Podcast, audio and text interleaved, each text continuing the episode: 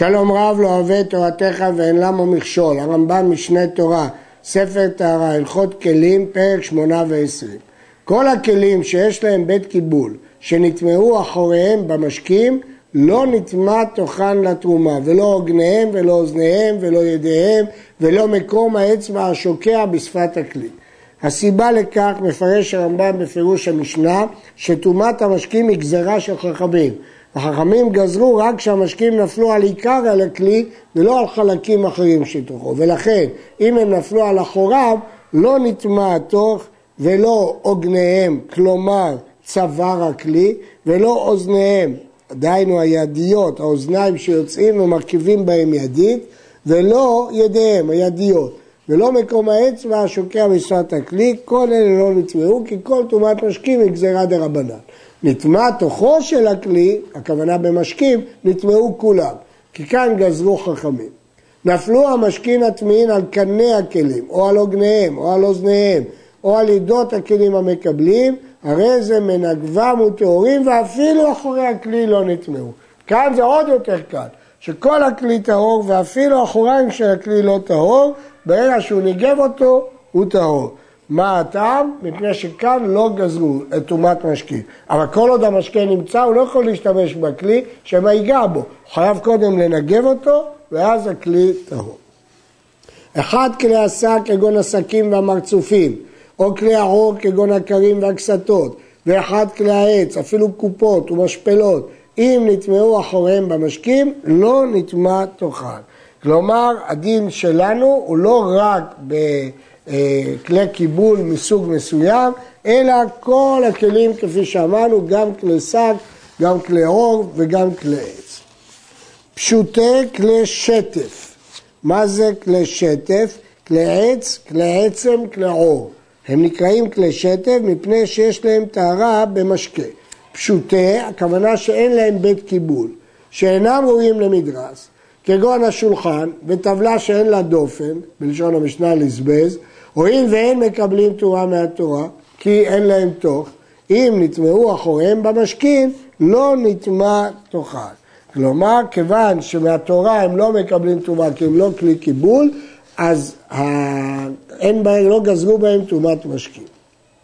אבל פשוטי כלי שטף הראויים למדרס, כגון המיטה והאור שישנים עליו, והכיסא וכיוצא בהם, אין להם אחוריים ותוך. אלא בין שנגעו משקיעים בהם מתוכה ומאחוריהם, נטמע הכלי כולו.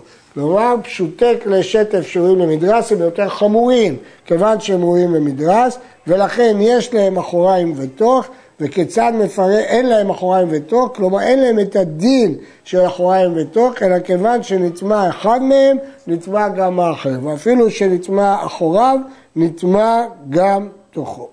הדין הזה שנוי במחלוקת של שלושה תנאים אה, במשנה, והרמב"ם אה, פוסק כדעה הזאת, אה, הרייבד חולק, סובר כדעה אחרת.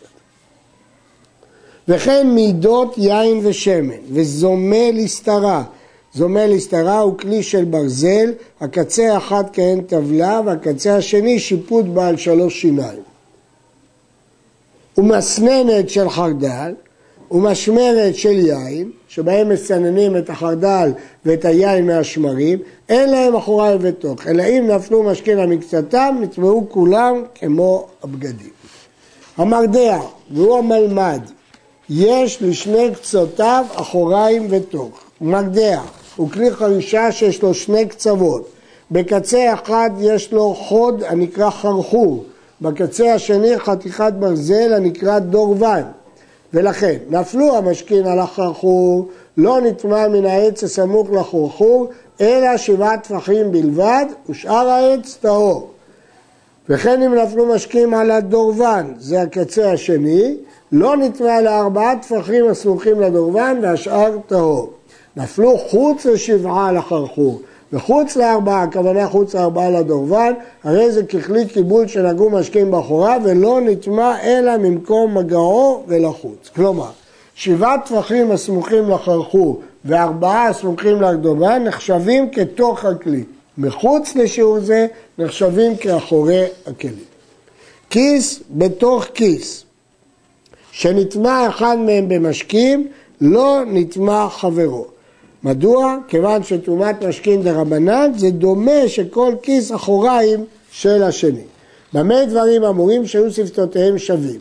אבל אם היה החיצון עודף, הכיס החיצון עודף, ונטמע הפנימי, נטמע החיצון. נטמע החיצון, לא נטמע הפנימי. אם החיצון עודף, שניהם נחשבים ככלי אחד ולכן נטמעים שמיהם. אבל אם, אה, לכן אם היה חיצון עודף ונטמע פנימי, נטמע החיצון. אבל אם נטמע החיצון, לא נטמע הפנימי. ובשרץ, בין כך ובין כך נטמע אחד מהם, לא נטמע חברו. יש שתי גרסאות, יש גרסה לפנינו שאומרת נטמע חברו, ויש גרסה שאומרת לא נטמע חברו. אה, יש אומרים שהכוונה היא שלא נטמע בטומאת דאורייתא, אבל נטמע בטומאת דרבנן, וצריך עיון. החוקק רובע וחצי רובע בעץ אחד. מה פירוש? הוא יעשה שתי מידות חקוקות בעץ אחד. האם מחשיבים את זה לכלי אחד או לשני כלים? נטמע אחד מהם במשקים, לא נטמע השני, אף על פי שהם עץ אחד. כיצד? נגרו משקים בתוך הרובע, הרובע ואחוריו טמאים, וחצי הרובע ואחוריו טהורים, אני מחשיב את זה לשני כלים. נגע בחצי הרובע מתוכו, חצי הרובע ואחוריו טמאים, כי הוא נגע בתוכו, והרובע ואחוריו טהורים, כי הוא כלי אחר. וכשהוא מטביל, מטביל את הכל. נטמעו אחורי הרובע או אחורי חצי הרובע במשכין, הרי אחורי הכל טמא, שאין חולקים את האחוריים. כל מה שחילקנו את הרובע וחצי רובע לשני כלים זה תוך הרובע ותוך חצי הרובע. אבל אחורי הרובע ואחורי תוך חצי הרובע הם לא שני כלים שונים, הם נחשבים יחידה אחת. בשביל מה עשו כלי כזה? היו צריכים למדוד. אז במקום שיהיו להם שני כלי מידה, לקחו עץ אחד ועשו בו שתי כלי מידה, גדולים וקטנים, ואז כשהוא רוצה למדוד בגדול, מודד בגדול, כשהוא רוצה למדוד בקטן, מודד בקטן. קומקומוס, שהיו אחוריו טמאים, והיה מרתיח, כלומר מבעבע, אין חוששים שמא יצאו משקים בתוכו ונגעו באחוריו וחזרו לתוכו.